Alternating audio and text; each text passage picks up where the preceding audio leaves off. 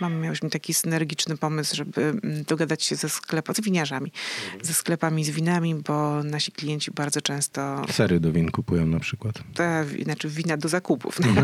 Albo wina do zakupów, tak, tak, tak jest. Tak, okay. Więc... A to e, bardzo, faj, bardzo fajny pomysł.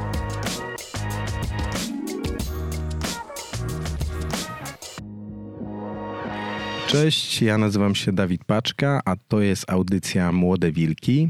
Dziś mam gościnę specjalną e, ze względu na to, że e, czasem, co po niektórzy myślą, że nasza audycja jest skierowana tylko i wyłącznie do młodych i że to jest takie 30 under 30, a, a jak już e, zdarzyło mi się mówić, to jakby nasza, nasza, nasz program jest dedykowany dla ludzi, którzy chcą tworzyć i mają mindset młodych wilków, a nie metrykę e, odpowiednią. E, I dzisiaj mam, e, moją, moją gościnią jest Katarzyna Kolanowska. Cześć Kasiu. Cześć, dzień dobry. E, Kasia jest osobą, o, o, której życiu pewnie Maciej mógłby spokojnie nakręcić dwa e, pełne odcinki głównej audycji, ze względu na to, że jej doświadczenia związane z branżą wydawniczą i z wieloletnią współpracą z Gazetą Wyborczą nadawałyby się na pewnie dwutomową biografię, ale dziś poświęcimy e, całą naszą rozmowę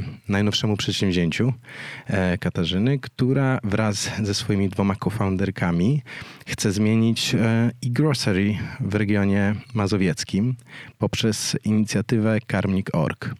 E, Kasiu, każdy odcinek Młodych Wilków zaczynam taką prośbą odnośnie elevator pitcha i tak też będzie dzisiaj. E, wyobraź sobie, że jestem biznes angelem, który chciałby uzupełnić swoje portfolio o inwestycje właśnie z branży grocery. Czy mogłabyś mi teraz zrobić taki krótki, dwu, trzyminutowy elevator, elevator pitch karmnika? Spróbuję. E, Karmnik.org to jest platforma, sklep internetowy, który skupuje żywność od e, rolników i lokalnych rzemieślniczych wytwórców, głównie ze wschodniego Mazowsza e, i dostarcza paczki z tym jedzeniem do Warszawy. Karmik e, karmi Warszawę. E, działamy w modelu przedpłaconym, to znaczy zamawiasz zakupy na naszej platformie, e, a my zamawiamy u naszych dostawców dokładnie to, czego chcą nasi końcowi odbiorcy.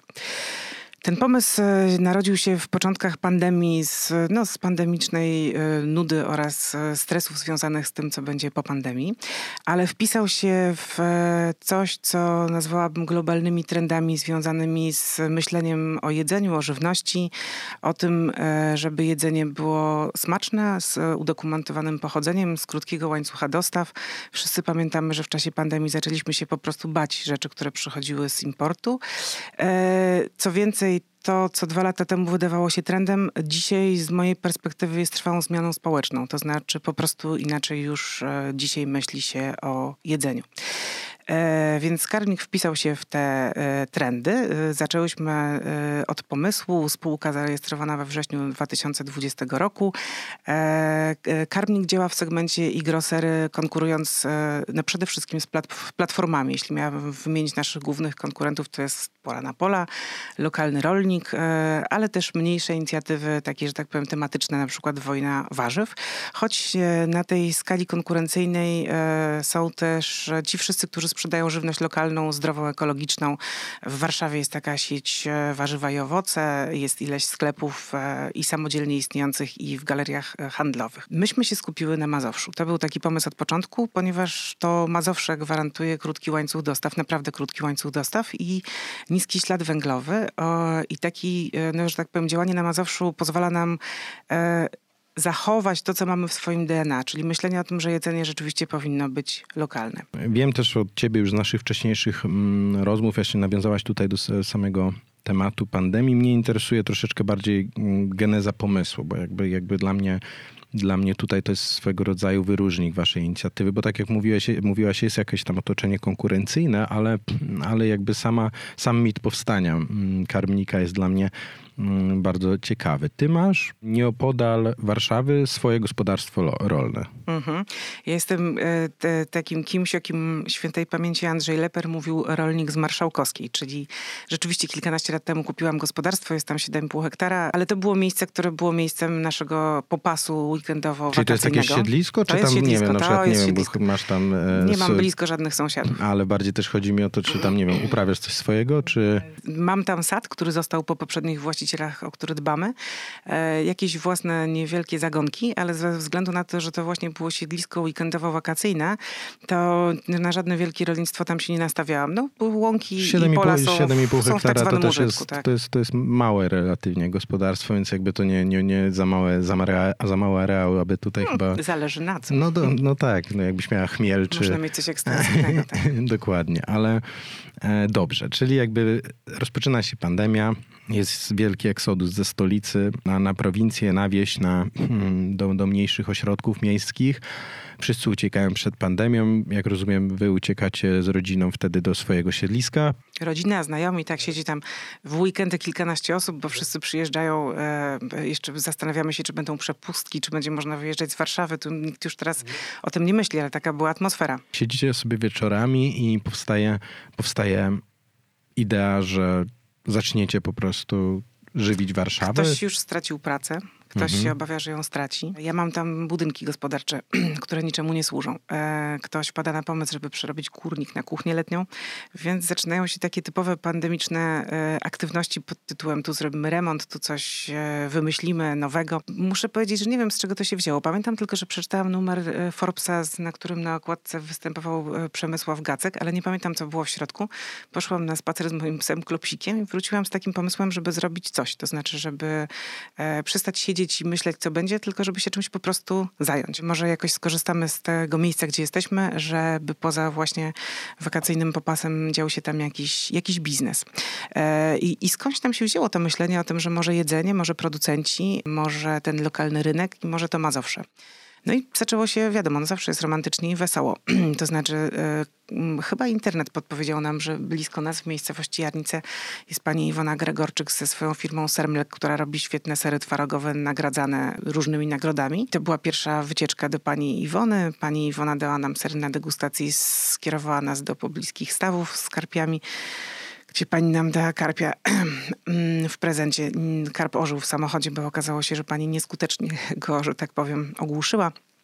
W związku z tym e, w naszym następnym miejscu, czyli e, pasiece Pachniczówka w Grębkowie, na koniec zapytałyśmy Państwa, czy przyjęliby od nas taki dar karpia, z którym nie bardzo wiemy, co dalej zrobić. No i tak, no i to było jakby trzy pierwsze wizyty u producentów e, i potem zaczęło się takie myślenie, że tych producentów trzeba skądś wziąć i jakoś gromadzić. Ja tu muszę zadać takie pytanie, Tak. może mm, nieszablonowe. Dlaczego pani produkująca sery nie może sama sprzedawać tych serów w internecie? Nie wiem, dlaczego nie może ich sprzedawać w internecie, bo nigdy nie zadałam tego pytania. Ona je w ogóle sprzedaje. Ona je sprzedaje i do sklepów lokalnych, e, sprzedaje je na targach, na jarmarkach, nawet czasem my sprzedawałyśmy je dla niej na jakichś imprezach e, masowych.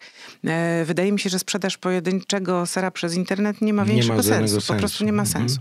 Myślę, że to jest ten powód. Drugi jest taki, że trzeba sobie zdawać sprawę z tego, że ci wytwórcy to wielokrotnie nie są. To są osoby... No, Niezdigitalizowane w żaden tak, sposób. Tak, tak. Dla nich to jest Mhm. po prostu problem. Tam nie ma nawet stron internetowych. W jaki sposób wy ich sprzedajecie, ich produkty? Wy kupujecie je, magazynujecie się, po prostu zatowarujecie się, sprzedajecie je swoim e, klientom, czy to działa na zasadzie pośrednictwa marketplace'u? To działa na zasadzie normalnych zakupów przedpłaconych, to znaczy wystawiamy towar dostępny. Co tydzień e, aktualizujemy dostępność towaru w sklepie internetowym. Klienci zamawiają swoje koszyki. E, Na podstawie tych zamówień, my w tej chwili działamy w takim modelu, że dostarczamy zamówienia raz w tygodniu. Na podstawie tych zamówień my generujemy zamówienia dla dostawców e, i pobieramy od nich dokładnie to, co zostało zamówione. Oczywiście, jeśli dostawcy wyprodukują wszystko to, co u nich zamówił. A właśnie, jeżeli, jeżeli nie wiem, no bo macie aktualizację stanów co, co tydzień, Co tydzień. no istnieje możliwość, że nie wiem, ktoś przyjedzie w środę, kupi cały dostępny ser od tej pani, no nie, i nie, ta pani już wie, że ten ser ma na nas czekać, Czekać. bo ona przyjmuje od nas zamówienia, ale no, to są ludzkie rzeczy, to nie jest przemysł. To jest rzemieślnicza produkcja żywności. W związku z tym zdarzają się i awarie. Bo to nie jest fabryka, która w razie czego sobie uruchomi w inną wieżę, linię, e, cokolwiek e, i szybko wezwie mechanika, tylko to jest, nie wiem, zepsuty kocioł serowarski, który po prostu nie działa i tego dnia serów nie będzie. Dopóki to są drobne awarie wynikające jakby ze sposobu działania producenta, które zdarzają się rzadko, to jakby, no to są ludzkie sprawy. Mamy to wkalkulowane.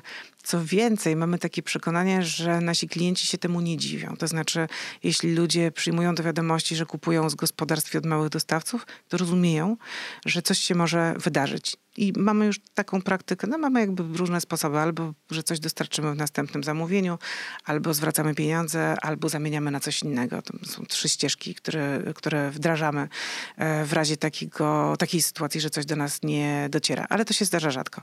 Oczywiście zdarza, miałyśmy takie doświadczenia z dostawcami, którzy e, no, mówili, że coś zrobił, a potem tego nie robili. Jak słynny pan Janusz, e, właściciel stawów rybnych, wędził wspaniałe pstrągi, ale wędził je tylko wtedy, kiedy miał dobry humor. To znaczy, miałyśmy taką historię, że miałyśmy 15 zamówionych pstrągów i e, okazało się, że pan Janusz, że było za gorąco. No. Mhm, nie chciał, nie chciał wędzić, było za gorąco, musiał troszkę siestę I co mu zrobić? sobie. No oczywiście, no jakby szanuje taki, że można powiedzieć, prowansalski no styl życia. No i... i tak po piątej takiej przygodzie jednak podziękowałyśmy panu Januszowi i znalazłyśmy no dobrze, innego dostawcę ale teraz jeżeli, troszeczkę, jeżeli chodzi o liczby, dzisiaj ilu macie dostawców? Mamy około 40 dostawców e, i bardzo starannie dobieramy następnych, bo e, każdy kolejny dostawca, bo, bo, może jeszcze powiem tak, są tacy dostawcy, którzy dostarczają nam tak zwane ambient. To jest nowe słowo w moim słowniku, zdobyte na, e, że tak powiem, ścieżce e, zdobywania w ogóle doświadczeń e, w handlu żywnością.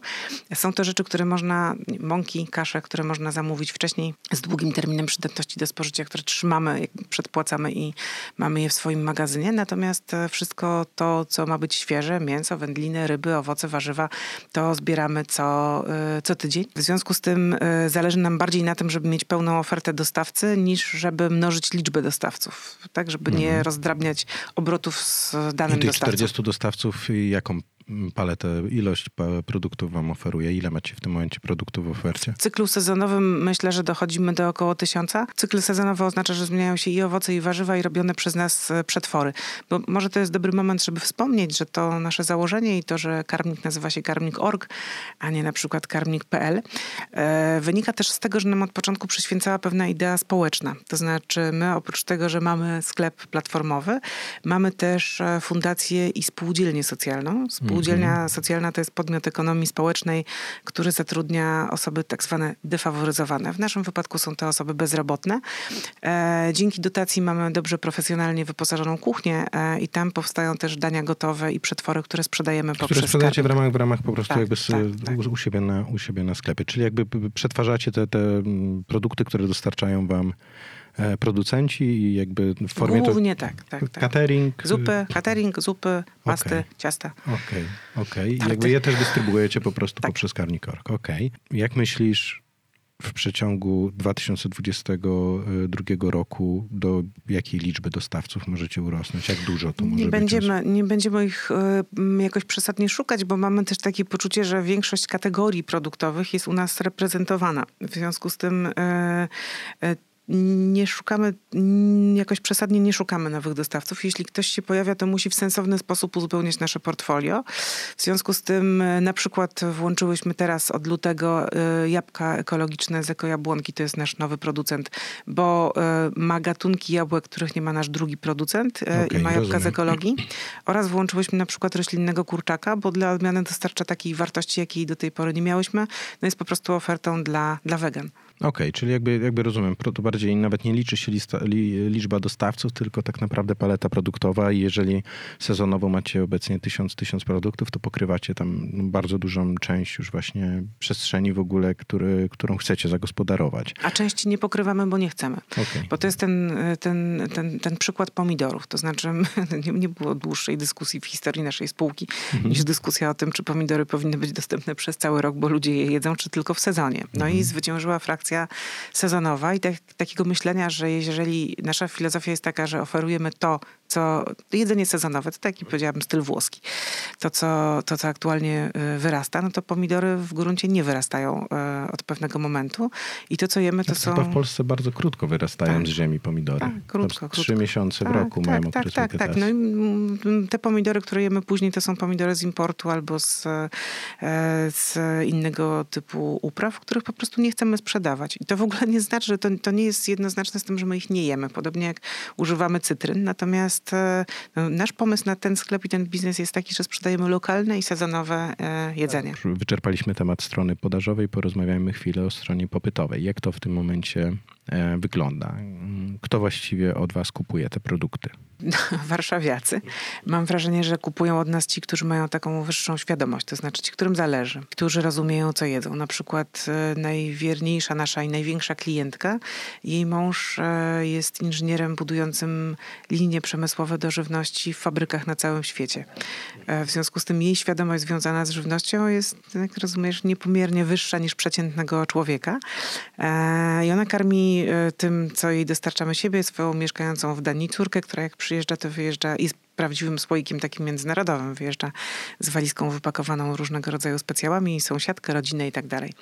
E, więc kupują u nas ci, którzy są świadomi. E, ta świadomość przekłada się na to, o czym wspomniałam, czyli na przykład na wyrozumiałość, e, jeśli coś nie zadziała, bo jest jasne, że w tej nieprzemysłowej produkcji żywności po prostu mogą się zdarzać różne rzeczy. Na pewno są to osoby mm, nieco lepiej uposażone, bo ta żywność, którą oferujemy, no to nie, to, nie, nie, nie czyniłabym z aspektu ceny e, e, jakby istotnego wątka naszej narracji. Natomiast oczywiście jest to jedzenie, które jest droższe niż jedzenie najtańsze, co wynika z tego, że jest zupełnie inaczej przygotowywane e, i dostarczane pod drzwi temu, kto je zamawia. No jest zupełnie jakby inna... To jest inna półka. Inna półka, ale też inna użyteczność, no bo, Tak. bo sam aspekt dostarczenia pod drzwi, no to w Warszawie to jest bezcenne ze względu Tak. na czas i koszt alternatywny tak. związany z poświęcaniem czasu na robienie Tak. zakupów. Jeżeli chcesz Przy okazji namawiamy też do bezstratnego e, gospodarowania żywnością, e, bo w tym naszym takim firmowym DNA i w tym micie założycielskim też to się mieści. E, jest coś takiego, co nazywamy praktycznym wymiarem ekologii.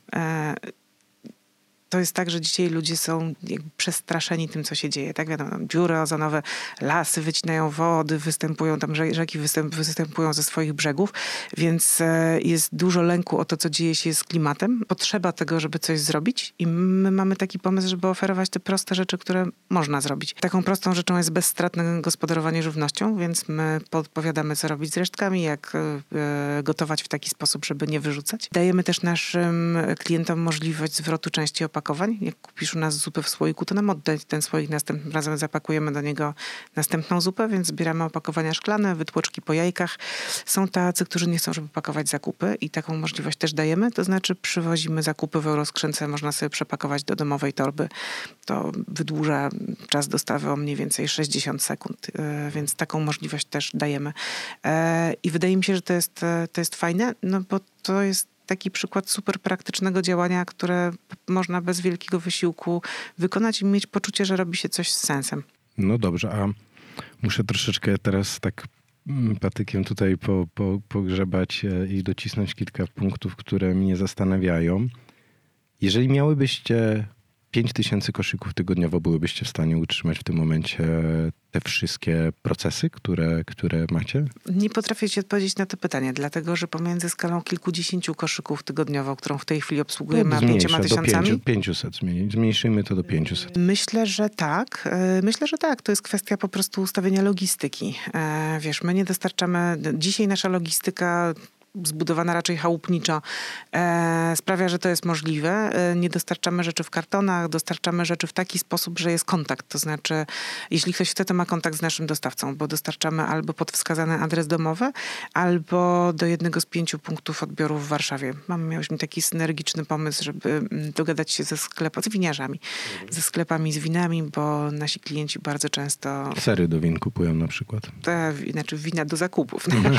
Albo wina do zakupu. tak, tak, tak jest. Tak, okay. więc, A to e, bardzo, faj, bardzo fajny pomysł, czyli ktoś sobie przychodzi, faktycznie chce sobie kupić kilkanaście buteleczek winka. Nasi winiarze też są naszymi klientami i też na przykład mamy jednego z e, winiarzy, który jest e, po prostu też bardzo przejęty kwestiami ekologicznymi, więc my nie pakujemy zakupów jemu, jego szwagierce i on dla nas potem gromadzi te wszystkie opakowania. Dla niego to w ogóle nie jest problem. To znaczy on się czuje pozytywnie włączony w ten sensowny proces właśnie, że tak powiem, dbania o, o niemarnowanie opakowań. Można powiedzieć, że przez ostatnie kilkanaście miesięcy od startu jakby mm, wy ten organiczny wzrost, który stworzyłyście, e, oparłyście tak naprawdę o to, że mm, zarówno po stronie klienckiej, jak i e, po stronie dostawców, czy po stronie osób, które was wspierają logistycznie, tak naprawdę skupiłyście wokół siebie na ten moment organicznie osoby, które w jakiś sposób korespondują z waszą e, myślą ideową, tak? Myślę, w sensie że tak. Jakimś, Myślę, jakim, że tak. jakimś takim Myślę, wyższym, tak. celem wyższym, który sobie, sobie stawiacie. To znaczy jakby nie ma tam może znaczy obok pewnie jakichś tam decyzji konsumenckich czy, czy biznesowych ze strony kontrahentów, tak naprawdę to, to, to grono osób, kilkuset osób, które w tym momencie wokół was orbituje, jest stricte powiązane jakoś sentymentalnie z tym, co chcecie zrobić, tak? Przynajmniej część osób e, tak deklaruje. Mamy taką klientkę, która, panią naukowczynię, która po powrocie ze Spitsbergenu pierwsze co zrobiła, to zamówiła zakupy w karmniku, bo mówiła, że tego, czego jej na Spitsbergenie brakowało, to właśnie naszego jedzenia. Także myślę, że tak, to są i wybory konsumenckie, ale też wybór dla, dla części osób ten wybór związany jest z tym, w jaki sposób działamy. Okej. Okay. I on się po prostu podoba. No dobrze, czyli jakby w tym momencie jesteście na etapie, gdzie bo jak ja rozumiem, do tej pory całe przedsięwzięcie było finansowane, bootstrapowałyście to ze środków własnych, tak? E, tak, spółdzielnia socjalna jest dofinansowana przez Ośrodek Wspierania Ekonomii Społecznej, czyli cała, to, to jest, e, to też było od początku nasz pomysł, nasz pomysł, to znaczy, żeby mieć spółkę, która jest e, naszym przedsięwzięciem własnym, natomiast spółdzielnie, no, jest to forma pozyskania kapitału dla świeżo powstającego przedsiębiorstwa. Macie zamknięty już pewnie 2021 rok, nie wchodząc jakieś nawet w detale przychodów i tak dalej. Ile koszyków obsłużyłyście w zeszłym roku? A nie, przygotowałam się z odpowiedzią na to pytanie, nie pamiętam, no ale to są tysiące. Tysiące już, Nieduże, tak? nieduże, tysiące, tak. Nieduże tysiące. Nieduże Czyli to jest około małych kilkuset koszyków miesięcznie w tym momencie? Mhm. Czyli pewnie jakbyś tam rząd wielkości, pewnie rewę na poziomie 250-400 tysięcy złotych, co jak na inicjatywę bootstrapującą, jeżeli ktoś jakby zna standardy tego, w jaki sposób y, no, tak naprawdę przychody się wytwarzają w przedsięwzięciach tego typu, jest wynikiem bardzo dobrym. No ale teraz jakby co dalej? Jakie są właściwie wasze, wasze, wasze najbliższe plany? Jak sobie wyobrażasz rok 2022 dla karmnika? Jakbyś ze mną przeprowadzała tą rozmowę w styczniu 2023 roku. To ile chciałabyś mieć zrealizowanych koszyków? Jaki wzrost? Może powiem w ten sposób. E, gdybyśmy dalej działały w takim modelu, w jakim działamy, czyli toczyłybyśmy tę naszą kulkę e, tak lekko pod górkę, jak to z kulkami bywa, to ona by się tam potoczyła i ta górka by nam rosła. No nie? To znaczy jesteśmy w stanie rosnąć organicznie, tylko będziemy to robić bardzo powoli. Natomiast e, myśmy spędziły mm, jesienne miesiące w bardzo fajnym akceleratorze E, warszawskim, e, który nas, że tak powiem, popchnął do takiego myślenia, żeby jednak e, spróbować porozwijać się szybciej i żeby poszukać pieniędzy inwestycyjnych po to, żeby karmnik urósł. Co to znaczy urósł i jak urósł? To znaczy urósł w koszykach, w liczbie obsługiwanych koszyków w tygodniu, żeby urósł w pewnym momencie znacznie sensowniejsze będzie zwiększenie liczby dni dostaw niż rośnięcie jednego dnia, tak? No bo mamy, wiesz, samochód chłodny, przestrzeń magazynową i tak dalej, która dzisiaj pracuje, ma pik jednorazowy w tygodniu. Tak? Magazyn zapełnia się po sufit w środę i jest opróżniany e, w czwartek. E, gdybyśmy w, rozwijały się e, dalej i otwierały kolejne drzwi, dni, dzisiaj taki układ tego jednego dnia jest absolutnie sensowny. Mamy to policzone, to, to po prostu ma sens ekonomiczny. Natomiast w przypadku rośnięcia potrzebny nam będzie kolejny dzień, kolejny dzień, kolejny dzień. Chcemy też włączyć, tylko to wymaga, trwają nasze ustalenia z shopperem, jak to zrobić. Włączyć coś, co nazywa nazywamy na swój użytek karmnik ekspres, to znaczy możliwość zamówienia tego wspomnianego ambientu, rzeczy, które mamy stale na stanie. Przetworów, kasz, makaronów, dań gotowych do y, y, takich zamówień kartonikowych, y, DHL-owych w dowolnym momencie, bez tego ograniczenia do dostawy w konkretnym dniu. Więc pierwsza rzecz to jest to, żeby po prostu karmnik urósł. Ja utnę, bo tutaj powiedziałaś całkiem ciekawą rzecz. Użyłaś sformułowania rozmawiamy teraz z shopperem. E, czy ja dobrze rozumiem w takim razie, że wy działacie na istniejącym rozwiązaniu i po prostu jakby karmnik poniekąd z punktu widzenia backendowego jest tak naprawdę sklepem internetowym postawionym na shopperze? Tak, tak jest.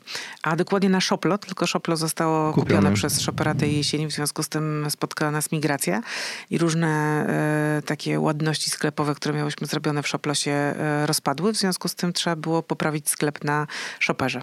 No to ja tutaj będę, ja bym tu się chciał na chwilę na dłużej zatrzymać, no bo to jest dość niestandardowe podejście, mm, szczególnie w świecie startupu. A jak y, sama mm, teraz wspomniałaś, tym bardziej już po, po tym, jak stały, stały, byłyście mm, w tym akceleratorze Mazowian Startup, w którym zresztą uzyskałyście wyróżnienie. No jesteście startupowe, startupowie, star, startupową ekipą. Um, zazwyczaj chyba w ogóle wszystkie też polskie przedsięwzięcia typu e-grocery, które są jakkolwiek zaznaczone na mapie e-grocery w Polsce, budują swoją platformę e, i rozwijają się pod kątem technologicznym. E, wy, dlaczego wy tego nie poszłyście tą ścieżką? Wydaje mi się, że dostarczanie mm, skupowanej na Mazowszu żywności nie wymaga dedykowanych rozwiązań, e, rozwiązań technologicznych. Na platformie można osiągnąć bardzo wiele. E, E, sklep na platformie stawia się szybko. Ten sklep jest tani. On kosztuje małe kilkaset złotych miesięcznie. Czyli wy jakby nie macie kosztu developmentu? Nie mamy, nie mamy kosztu developmentu, nie mamy kosztu integracji. Mamy oczywiście zmiany, ta kustomizacja sklepu wymagała wysiłku i pieniędzy. To się nie dzieje za darmo, ale to są nie, w ogóle nieporównywalne. To nie jest ten rząd wielkości, który e, e, trzeba by brać pod uwagę, gdyby budować własne rozwiązanie. Więc to, że nie mamy maintenance'u i developmentu jest po prostu błogosławieństwem. To, było od początku, to była od początku moja idea, bo w innym swoim biznesie, to jest biznes wydawniczy, e, w którym sprzedajemy też przez internet. Też mamy sklep najpierw na Shoplot, teraz na Shopperze i to jest absolutnie wystarczające. To w ogóle nie wpływa, nie upośledza biznesu. To po pierwsze, po drugie mamy doszyte, znaczy mamy, że tak powiem, skustomizowany sklep i doszyte przez, napisane przez Software House taki moduł analityczno-logistyczny, którego po prostu Shopper na nasze potrzeby tak skustomizowanego nie oferował, no ale to kosztowało też... Tysiące, a nie setki tysięcy za nieduże tysiące złotych, tak, mm-hmm. napisanie tego. I powstało to w sześć no tygodni. No dobrze, no ale...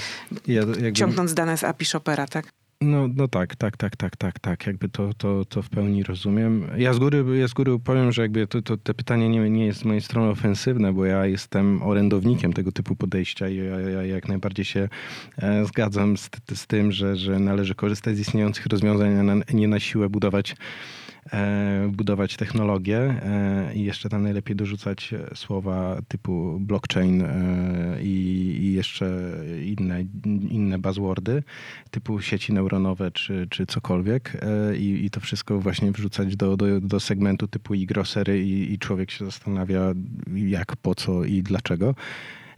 Czyli ale jakby, czy tym samym przez to, że tak naprawdę nie masz kosztu developmentu platformy, czyli jakby nie masz ani in-house'owego, ani, ani outsourcowanego działu IT, e, to czy tym samym, mimo że jakby na razie ten biznes karnik jest relatywnie małym biznesem, to czy wy nie jesteście już na etapie w okolicach break-even? Wy nie dorzu- jakby jesteście stratne co miesiąc, czy... Nie, nie, nie. Znaczy to jest break-even na, na takich podstawach, na, na, no tak, tak. Jesteśmy na break-even w ostatnich miesiącach. Szczególnie w ostatnich miesiącach roku. Ponieważ e, część kosztów przejęła, to jest skomplikowane. No, nasza holdingowo-społeczna struktura sprawia, że część kosztów została przerzucona do spółdzielni, ale tak, to jest break-even. Ale chciałam powiedzieć jeszcze a propos poprzedniego wątku, że dużo y, y, większy w tej chwili od nas biznes Megasan24 też działa na shopperze. Ja mimo wszystko uważam, że Megasam to jest biznes, który konkuruje z Frisco. Mhm. Oczywiście. Czy z e-commerce'em Lidla, czy z przyszłym e-commerce'em e, Biedronki. I to jest po prostu, to jest biznes, który sobie wymyślił bardzo ciekawą formę logistyczną i dzięki temu ma, ma wydajne dostawy. E, ale to nie jest w ogóle jakby wasza przestrzeń. Nie? Tymczasem wasi bezpośredni konkurenci, tak, czyli jakby dla mnie w Warszawie to tak jak wcześniej wspomniałaś, pora na pola i lokalny, lokalny rolnik. rolnik. Mhm.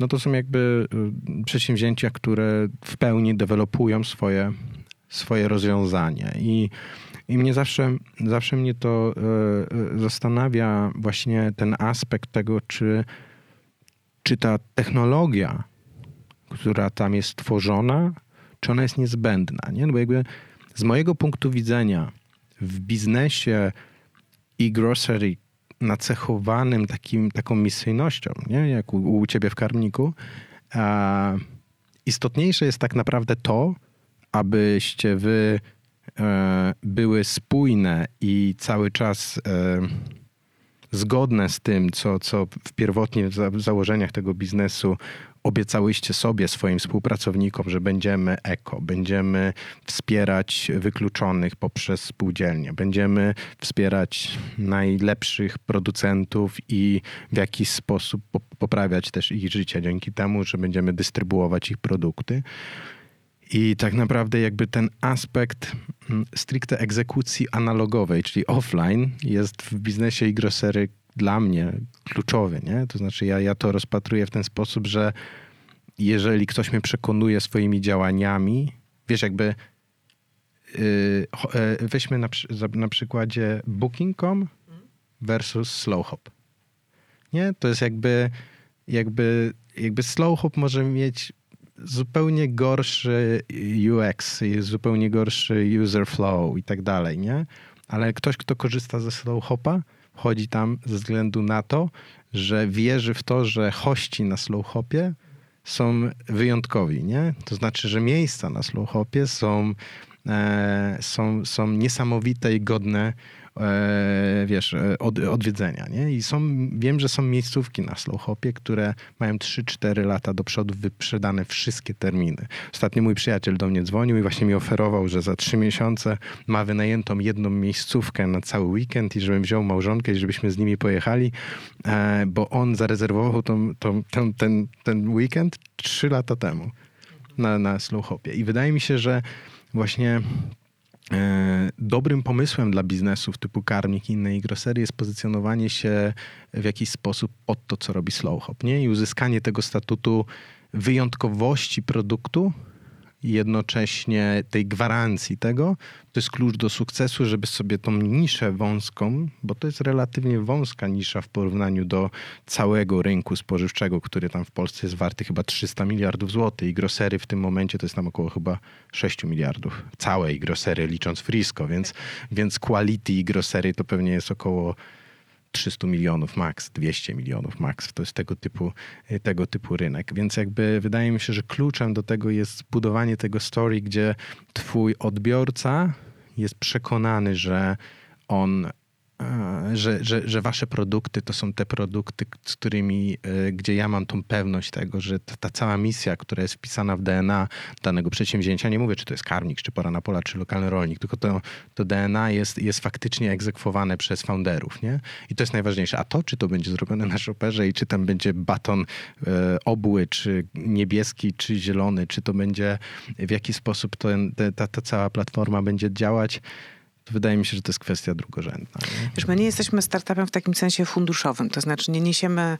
nowinki technologicznej, e, nie niesiemy technologii, e, nic z tych rzeczy. Nasza startupowość polega raczej na tym, że działamy w trendzie, e, na rosnącym rynku, ciekawym rynku, który się rozwija i że raczej wpisujemy się jako startup we wszystkie cele, w wiele celów zrównoważonego w rozwoju. Te cele z agendy unijnej przyjęte na najbliższe lata i że wpisujemy się w nie naprawdę. To znaczy, rzeczywiście jest tak, że e, dbamy o lokalne, zdrowe jedzenie, że dbamy o to, żeby to, ten obrót żywnością tworzył nowe miejsca pracy, e, że dbamy o ekologię w całym procesie. E, mamy to wpisane właściwie w każdy element naszego procesu logistycznego. Tak więc my, ta, ta, ta nowinka jest trochę nieoczywista, w jakim sensie ona jest pozbawiona takiego uroku, którego szukają fundusze e, przeglądające startupy, tak? My jesteśmy startupem po prostu jakby w, w, w innym znaczeniu. Okej, okay, no właśnie też to tak chciałem, chciałem to podkreślić, że to jest takie, mm, ja bym się z tym spierał, czy, czy wiesz, no owszem, nie jesteście startupem technologicznym, tylko jakby mnie osobiście jako osobę, która czyta bardzo dużo deków, która mm, czyta też e, praktycznie o wszystkich inwestycjach w strefie VC w Polsce, jakie mają, mają miejsce, jakby e, jakoś irytuje mnie wewnętrznie łączenie, jakby takie na stałe przyspawanie aspektu in, potencjalnej innowacji do technologii. Nie? To jest jakby, jakby, nie do, jakby, jakby nie do końca rozumiem, dlaczego jakby technologia, mam na myśli kod. Kod, kod czyli jakby wykodowanie czegoś i upublicznienie, stworzenie jakiegoś czegoś digitalowo, e, i musi być nieodłącznym elementem innowacji. Ze względu... Ona jest często zresztą doszywana na siłę. Tak, to ale widać. tylko, tylko, tylko, tylko dokończymy. Chodzi mi o to, że, że w waszym wypadku, jeżeli będziecie w stanie przeskalować się do, nie wiem, tego 5 tysięcy koszyków mm, tygodniowo, załóżmy, ten taki end goal, 5 e, tysięcy koszyków i będziecie w stanie uporządkować proces w taki sposób, że będziecie w stanie, będziecie w stanie rentownie dostarczać te 5 tysięcy koszyków tygodniowo, no to tym samym jakby waszą innowacją, jesteście tym biznesem innowacyjnym, tylko że wasza innowacja, innowacja tkwi w procesie, który pozwala wam skrócić łańcuch dostaw quality produktów z Mazowsza i dostarczenia je bezpośrednio do 5 tysięcy klientów e, w, w Warszawie. Nie? I jakby to, to jest innowacja procesowa, która w jakiś sposób wtedy by stanowiła, że coś w waszym stylu działania, waszym, waszej filozofii działania jest takiego, co powinno być kopiowane w innych biznesach. Nie? I to jest też innowacja. I, i, i, I oczywiście to, że znaczy to byłoby niesamowicie zabawne, gdyby to dalej był już po prostu sklep postawiony na, na szoperze, tak? Bo, bo przy pięciu tysiącach koszyków tygodniowo byłybyście największym grosery tego typu w kraju, jak nie w całym w ogóle regionie CE, e, w waszej niszy. Nie, wyłączmy z tego biznesy typu Frisco, tak? No tak, my w jakimś sensie jesteśmy innowacyjne analogowo, tak bym powiedziała. To znaczy, to nie jest innowacja cyfrowa. Nie wiem, czy widziałeś, jest wspaniały film, o, który się nazywa Analogowy Wizjoner, o takim Austriaku, który próbował e, najpierw wskrzesić Polaroida, potem wskrzesił e, wytwórnię płyt czarnych, e, tłoczonych z rowkami. W sensie winyli. Słucham? Winyli czy jeszcze? Winyli, winyli. winyli. Tak, tak. Myślałem, że to są... E, nie, nie, nie. E, w, a potem jeszcze z, e, dać drugie życie zamkniętemu, przepięknemu e, hotelowi w górach. E, no to jest trochę taka historia, że e, ta cyfryzacja jest w ogóle oczywista i bezdyskusyjna, ale świat analogowy gdzieś tam obok istnieje. I jak mówię o tym, że jesteśmy innowacyjni analogowo, to mam na myśli to, że, ta, że, że jakby my nie, nie wnosimy niczego technologicznie do działania platformy sprzedającej nasze produkty. To, co jesteśmy w stanie uzyskać uzyskać dzięki shopperowi i temu, jak sobie ten sklep skustomizujemy, absolutnie wystarcza na nasze potrzeby. Tak? Być może będziemy największym sklepem na shopperze. Mój drugi biznes sprzedaje przez shoppera e, w produkt o wartości około miliona rocznie. E, także nie, te, to, to jest ta skala, którą spokojnie można e, tam osiągać, a to tam nie ma żadnego sufitu, to znaczy nie ma żadnego powodu, żeby... Te, to nie było 10 czy, 10 czy 25 Żeby, żeby biznesy sprzedające przez shoppera się nie skalowały. Swoją drogą nie mam pojęcia. To jest ciekawe pytanie, może gdzieś istnieje takie opracowanie, jak wygląda średnia wartość e, obrotu sklepów e, shopperowych i gdzie się e, tam plasujemy na, tej, na tym kontynuum. Znaczy oni mają na pewno wewnętrznie mhm. takie dane, tylko tak. że takie dane to jest wartość dla shoppera Rozumiem, sama w jest, sobie, więc tak, oni nigdzie jest, nie powinni tego publikować. To jest Musisz ciekawe, pamiętać, że platformy wygląda. tego typu są też zamkniętym ekosystemem. Oczywiście. Oni mogą się monetyzować na tysiące różnych sposobów, nie tylko tak oczywistych, jak subskrypcja w postaci sprzedaży tobie po prostu swojego tak, tak, silnika. Płacimy tam za różne dodatkowe także Doskonale sobie z tego zdaję sprawę. Jeżeli chodzi właśnie o, o, o, ich potencjał monetyzacyjny, no to pamiętaj, że tam jest cały olbrzymi zestaw danych na temat tego, na temat tego jak faktycznie profilowo wyglądają poszczególne, poszczególne sklepy. Pamiętaj, że twoi klienci też zostawiają dane w shopperze i tak dalej, i tak dalej, i tak dalej. Więc jakby, więc jakby tam można byłoby na przykład nie wiem, wewnętrznie stworzyć jakiś algorytm, który by przekierowywał z jednych sklepów do drugich sklepów, gdzie ktoś, kto kupuje, nie wiem, zero waste e, ciuchy, czy, czy, czy z bawełny w pełni ekologicznej, jemu by mogło się wyświetlać właśnie reklama karmnika, jeżeli, jeżeli by to dałoby się to połączyć ze sobą, gdyby chcieli. Więc jakby oni takich opracowań raczej nie, nie udostępniają za darmo publicznie, tylko sobie trzymają i wewnętrznie analizują, co z tym mogą zrobić. Nie? Wiesz co, jeszcze takie słówko komentarza, bo zadałeś pytanie o innowacje i o nasze cele i co my chcemy robić to może warto wspomnieć o tym, że e, no my mamy tego bzika mazowieckiego, tak bym powiedziała. To znaczy uważamy, że chcemy się rozwijać na Mazowszu. E, dostarczamy żywność od dostawców, których gro w ogóle nie istnieje w Warszawie, nie ma ich tam. W związku z tym e, my jesteśmy dla nich szansą na zaistnienie w dystrybucji. I potem, jak już będziemy zwiększać liczbę dni dostaw i wielkość dostaw w tygodniu, marzy nam się punkt stacjonarny, w którym będziemy będziemy sprzedawać produkty karmnika, mając je tam na stałe, który będzie jednocześnie punktem odbioru i takim miejscem, gdzie chciałyśmy mieć takie małe bistro. E, I dzisiaj, jak pytasz mnie o na przykład innowacje w tym zakresie, to e, tutaj też jakąś inspiracją był twój wywiad z Weroniką Wójcik, choć nie pamiętam tego momentu, kiedy to mi przyszło do głowy. To jest taki pomysł, żeby nie wynajmować lokali w mieście, tylko postawić, postawić tak zwany pawilon cyrkularny.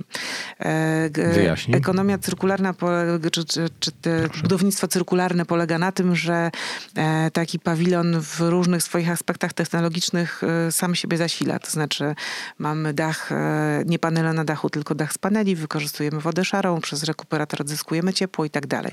Czyli taki pawilon, który byłby ekologiczny w swoim zamyśle od razu, zrobiony z takich materiałów i e, szalenie oszczędny w użytkowaniu, e, który można by było stawiać w różnych miejscach. Pandemia nauczyła nas tego... Ale jak Weronika się zainspirowała do pawilonu cyrkularnego? Może, ja po prostu ciąg skojarzeń. Słucham, słuchałam tego wywiadu, mogę ci powiedzieć, słuchałam tego wywiadu i byłam zachwycona na tą dziewczyną, młodą kobietą, e, różnymi rzeczami. To była strasznie dla mnie ciekawa rozmowa i coś po prostu po tej rozmowie gdzieś mi zatrybiło, że może warto e, jednak pomyśleć o innowacji, ale na naszą miarę, bo to jest nasza miara. To znaczy dzisiaj, e, jak sobie myślę o innowacji, to myślę, że to jest coś, co jesteśmy w stanie zrobić. W środę mam spotkanie z taką architektką, która marzy o tym, żeby taki pawilon zaprojektować, także zobaczymy, co z tego, co z tego wyniknie. Ale wiesz, pandemia nauczyła nas tego. E, w lokal wynajęty na długo z czynszem niezmiennym na początku e, Solidarność Społeczna sprawiała, że wszyscy obniżali cenę czynszu i tak dalej. Potem, a potem przyszła smutna potem, rzeczywistość. Potem przyszła rzeczywistość i rachunki do, za, do zapłacenia. Tak jest. W związku z tym nie ma, należy w tej kwestii liczyć na siebie. Stąd jeśli mówimy o sklepie i o mm, takim bistro, w którym takie bistro ma działać w taki sposób, że zawsze może działać na wynos, nie musi działać na miejscu, e, a pawilon można w razie czego łatwo przestawić lub e, łatwo zamknąć, nie płacąc nikomu za niego czynszu, jeśli działoby się coś z naszym światem, czego nie przewidujemy, a ostatnia lata nas czasami nauczyły, się to, tak się czasami to się zdarza. No, rozumiem. No to taki można byłoby przełożyć na, na, na, na rynek odzieżowy, no to taki pop-up store to poniekąd by był troszeczkę. No i oczywiście wzmocniony tym aspektem tego bistro i tak dalej, i tak dalej. Który można potem mnożyć, e, jeżeli to się, ten pomysł się udaje, można go mnożyć, wiesz, oszczędzając na kosztach kustomizacji projektów poszczególnych lokali, sanepidach i tak dalej. Chciałem wrócić na chwilę do, do aspektu e, skalowalności, bo tam jak ci wcześniej właśnie zadałem to pytanie, mm, jakie liczby chciały, chcielibyście osiągnąć, chciałybyście osiągnąć w tym roku. Oglądałem mm, wystąpienie twoje na, na, na, na, na tym finale Mazowian Startup i tam jedna z osób z jury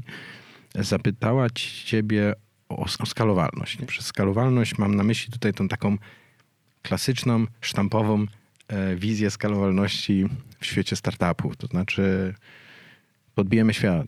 Wzrosty 5% czy tam 15% miesiąc do miesiąca i ekspansja na rynki zagraniczne za dwa lata. Czy karmnik może stać się, nie wiem, europejskim i grocery w jakiś sposób? Czy to jest, czy to jest jakkolwiek możliwe, żebyście wy po pierwsze wyszły najpierw poza Mazowsze, a na przykład później ruszyły na przedmieścia Pragi, Bukaresztu, e, Budapesztu czy Paryża? Wydaje mi się, że to nie ma sensu. To znaczy, że to e, jest niejako sprzeczne z naszym myśleniem. E, najpierw podbijmy to Mazowsze. Okopmy się tutaj i zróbmy sobie z tego Mazowsza swój bastion. Jeśli ten koncept będzie się sprawdzał, zawsze możemy rozważyć wariant franczyzowy i mieć oprócz karmnika Mazowsze, karmnik Wielkopolska, Małopolska albo Pomorze Zachodnie. E, natomiast e, no, karmnik Toskania nie ma sensu. Tam Tam działa spokojnie rynek spożywczy i on sobie radzi. Jest zorganizowany zupełnie inaczej. Więc e, mówiąc szczerze, nie, nie mamy takich ambicji A dlaczego jest e, zorganizowany zupełnie, zupełnie inaczej? W jakim, w jakim stopniu? Wiesz, nie, nie, nawet nie potrafię od, od, podpowiedzieć, ale rynek żywności w każdym kraju rządzi się swoimi prawami, swoją sezonowością, swoimi potrawami, daniami, e, także całą organizacją e-commerce'u w danym kraju. To w ogóle to nie jest nasza ambicja, mówiąc szczerze. E, I w ogóle nie, ch- nie chciałabym zmierzać w tym kierunku, dlatego że jeśli mówimy o tym, że żywność jest lokalna, to niech ona sobie będzie lokalna. Chwilowo pozostajemy w Polsce. Być może No, na za przykład- pięć ale- lat ale będę mieć przykład- inne myślenie, ale okej, dzisiaj mam ja takie. Rozumiem, rozumiem rozróżnienie geograficzne, no bo faktycznie karmik Toskania, no to tam okres wegetacji nie 130 dni, tylko 280 w roku, czy tam 260. Do tego cała paleta innych zupełnie... Hmm, produktów, ale no jednak mm, regionalnie, jeżeli chodzi o, o ten OCE, no to jest dużo punktów wspólnych pomiędzy tym, co można wytworzyć lokalnie e, na Ukrainie, czy w Niemczech i w Polsce. Nie? Jakby są, są jakby pochodne produkty, tak? Oczywiście, je- jeżeli chodzi już o te przetworzone produkty, te, które lądują na talerzu, często gęsto są zupełnie inne, ale jeżeli mówimy o, o tym, co daje ziemia, no to często daje to samo w różnych, w, różnych, w różnych tych lokalizacjach, ze względu na to, że uwarunkowania klimatyczne są zbliżone, powiedzmy. E, I, i czy to nie jest ewentualna taka furtka do tego, aby mm, oczywiście no dzisiaj w, wi- przy widmie wojny pomiędzy Rosją a Ukrainą to brzmi troszeczkę, no, w, y, brzmi trochę jak fantasta, ale, ale czy na przykład za 4-5 lat mógłby powstać karmiku Ukraina, który by żywił Kijów? Nie wiem, być może, ale zupełnie szczerze Albo mówiąc, w Berlin. ogóle tego dzisiaj nie rozważamy. To znaczy, dzisiaj naszą troską, naszym przedmiotem myślenia i naszą skalą, tak jak sobie ją wyobrażamy, jest e, najpierw Mazowsze. Przede wszystkim będzie tutaj osadzenie się na tym rynku i zrobienie dobrze tego, co sobie wymyśliłyśmy, że chcemy zrobić tutaj. Jak zrobimy to dobrze tutaj, to będziemy się zastanawiać nad kwestiami ekspansji. No to to jest jakby... Poza tym wiesz, no bo to jest, też, to jest to myślenie, to jest to myślenie takie startupowo-funduszowe, że trzeba się koniecznie rozpączkowywać e, międzynarodowo na inne kraje. No, No bo to, ma, to jest to, tutaj chodzi o rozumiem, aspekt, o aspekt, skalę, wyc- aspekt no, Ja nie tyle co skalę, tylko wycenę, aspekt tak. wycenowy, tak, Tak, no bo tak. każdy lit pozyskany, nie wiem, w Niemczech czy Wielkiej Brytanii ma zupełnie in, inną wartość księgową od, od, od użytkownika w Polsce, nie? Więc jakby to to wszystko chodzi o mnożniki, tabele i to, żeby w Excelu ostatecznie po jakimś czasie pojawiła się wycena, która da odpowiednią gratyfikację funduszom, które inwestowały na wcześniejszych etapach. nie? Rozumiem, dlatego właśnie mówię o tym, że być może nie jesteśmy, nie będziemy łakomym kąskiem dla funduszy, bo nie ma u nas tego myślenia, takiej ekspansji międzynarodowej. jakby wspomniałaś, że chcecie się, chcecie, zastanawiacie się nad, nad, nad tym, żeby wesprzeć się finansowaniem zewnętrznym. E, o, czym, o czym w takim razie myślicie? O jakim typie finansowania? Myślimy o e, i będziemy podejmować taką próbę e, prekampanii przed e, zbiórką w ramach crowdfundingu udziałowego. E, zobaczymy, jak wygląda zainteresowanie e, tym, co robimy, naszym produktem, projektem i naszą wizją przyszłości. No bo tak naprawdę na tym etapie rozwoju spółki e, my mamy zwalidowany pomysł i pewne dane, które po tam roku i kwartale działalności e, możemy pokazywać i rozumiemy bardzo dobrze, co z nich wynika. Natomiast na tym etapie rozwoju firmy bardziej sprzedajemy wizję przyszłości niż e, taką bardzo konkretną e, obietnicę e, wyników Pewnego zarobku. po prostu popartą dłuższą historią, tak to z tego wynika. W związku z tym no, będziemy szukać e, ty, tych, którzy w tę wizję uwierzą i którzy uznają, że ona jest Tą atrakcyjna. ścieżką chyba też poszedł pan Adrian Piwko, czyli właśnie Pora na Pola, tak? która łącznie chyba 4 czwartą emisję w tym W momencie. tej chwili robi czwartą emisję, tak. Kiedy przystępował do pierwszej, w której zebrał, z tego co pamiętam, około 360 albo 370 tysięcy, był mniejszy od nas. To Ja nie wydaje mi się, że on dopiero wtedy skala. założył spółkę. On tam jeszcze Nie, chyba nie miał żadnej, żadnej działalności. Miał, miał, miał, miał, miał już miał. coś, tak, coś tak, robił, tak? Tylko był wtedy mniejszy od nas. Znaczy w momencie, kiedy startował z pierwszą rundą, był jeszcze mniejszy od nas, no też e, startował z innego miejsca, z innej pozycji, z Łomży. To dobrze? Łomża to dobrze? Nie wiem, no po prostu chodzi mi o to, że być może... Nie, nie, nie, nie mam takiej perspektywy, mam bo ja jestem warszawianką z mam urodzenia. Kolegę, mam, kolegę z, mam kolegę z Łomży, tak teraz jak powiedziałeś tu Łomży, to mi się przypomniało, że Chodzi mi o to, że może czasami były żarty w tym Trudniej jest e, po prostu, nie wiem, na przykład rozumieć dobrze rynek warszawski, nie wiem, geografię miasta, cokolwiek, tak? Co jest potrzebne Tak, do myślenia w pełni, w o pełni, logistyce. W pełni, w pełni to rozumiem. No jakby to też jest, wynika z tego, że jak jesteś, jak sama siebie nazywałaś rolnikiem z Marszałkowskiej, no to jakby ekspansja lokalna na rynku warszawskim jest prostsza, będąc rdzenną warszawianką. Nie? No dla... Tak mi się wydaje, no, że znamy ten świat. Nie mówiąc o tym, że znamy też klientów, no bo ponieważ jesteśmy stąd, to w jakiś stosunkowo łatwy sposób, bez wielkich nakładów marketingowych e, przyszło nam zgromadzenie pierwszej grupy obecnych przy nas klientów, tak? Którzy się rekrutują z bliższych, dalszych znajomych, No dobrze, znajomych, ale- znajomych. Ale teraz jakby poza tym aspektem właśnie e, crowdfundingu, że jakby przez to chcecie pozyskać, mm, pozyskać e, finansowanie na to, żeby po prostu móc szybciej urosnąć. W czym jeszcze ta, formuła finansowania może wam pomóc jako karmnikowi? Znaczy wiesz, nasze potrzeby, e, takie potrzeby, zdefiniowane potrzeby finansowe związane są z tym, żeby e, znacząco podnieść budżety marketingowe, bo my dzisiaj wydajemy na marketing niewiele, no tyle ile mamy, e, dzięki czemu szybciej się rozwiniemy, jeśli chodzi o liczbę paczek, liczby zamówień, co wymaga e, zmiany po stronie logistyki, bo nasza logistyka dzisiaj jest e, uszyta za pomocą e, kilku sznurków i patyczków, choć muszę powiedzieć, bo mamy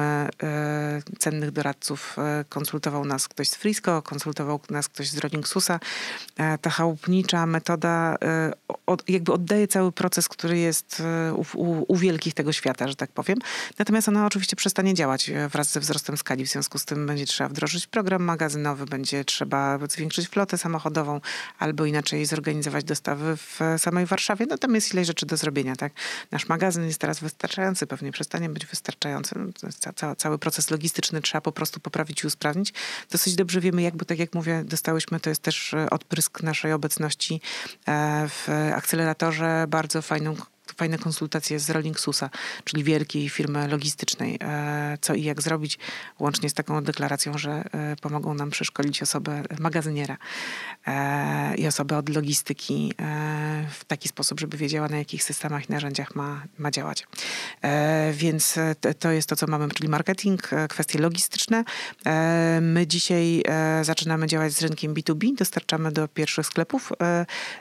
Potencjał jest duży, tylko po prostu nie mamy rąk, więc potrzebny jest nam handlowiec, który obejmie segment B2B w Warszawie. No i w dalszej kolejności mamy, tak jak Ci wspomniałam, punkt sprzedaży, punkt odbioru, punkt, w którym można kupić stale produkowane produkty spółdzielni socjalnej naszej Czarny Bez, e, plus e, docelowo jeszcze malutkie bistro. Okej, ja, ja ci nie przerwałem. Teraz odpowiedziałeś troszkę na inne pytanie. Ja je teraz zadam, to odpowiedziałeś na pytanie, na co będziecie chciały zebrać, zebrać Spróbujmy jeszcze raz. e, środki. Nie, nie, nie ma potrzeby zupełnie, bo jakby fajnie opowiedziałaś o tym, wiesz, jakby co planujecie zrobić z potencjalnie pozyskany, pozyskaną e, kwotą. Ale moje pytanie jest takie, że jednak wiesz, crowdfunding e, ma swoje wady i zalety. I co ciekawe, te wady czasami są zaletami, a zalety są wadami. Nie? Jeżeli decydujesz się na crowdfunding i odniesiesz sukces w, w zbiórce, no to tak naprawdę na pokład wpuszczasz w zależności od kwoty, ale i średniej kwoty inwestycji, ale 300, 500, 700, 1000 osób, a tak jak, nie wiem, na przykład Krzysztof Stanowski, 3,5 tysiąca osób.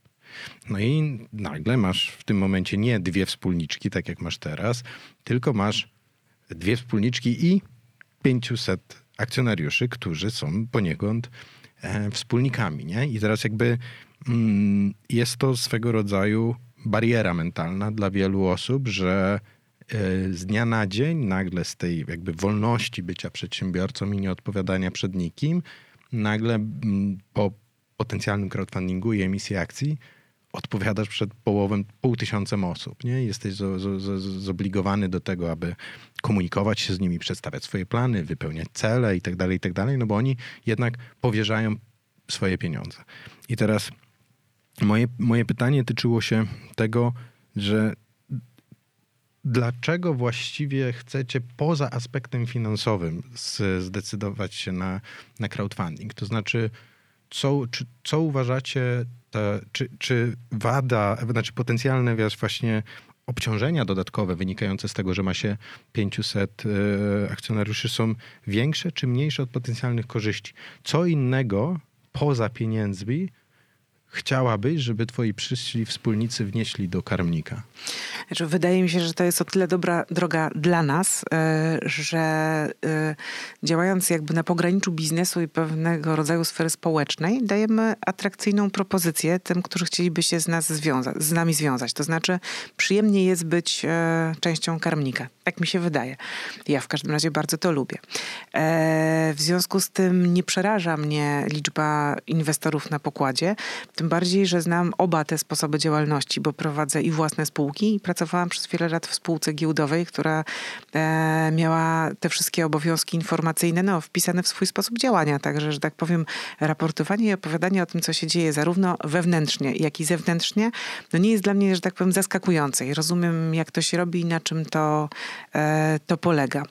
E, I wydaje mi się, że w takim projekcie jak nasz, który to projekt ma właśnie te różne inne aspekty poza samym biznesem, on może być zwyczajnie atrakcyjny dla ludzi, przyciągający. Czy może być, może być po prostu sposobem na jakby biznes, który jest tak naprawdę też hobby. Możesz... Trochę tak, trochę tak. E, Byście chciały, trochę żeby to jest wam, też tak, że chciałabym, żeby ta grupa, oczywiście, że ta grupa, y, ta grupa, która ewentualnie potencjalnie zbierze się wokół projektu, to jest taka grupa ewangelistów, która też potem opowiada o tym projekcie na świecie. E, co więcej, grupa klientów, no bo my mm, dostarczamy coś, co jest potrzebne na stałe. My dostarczamy jedzenie na stół. W związku z tym można założyć, że jeśli ktoś zwiąże się z nami inwestycyjnie, to będzie chciał robić u nas zakupy. To ma sens. To jest w ogóle cudowna cecha y, crowdfundingu udziałowego, że ona e, pozwala dotrzeć z przekazem o tym, że szuka się finansowania i chce rozwijać biznes do dużej grupy ludzi, którzy poza wszystkim mogą pomóc.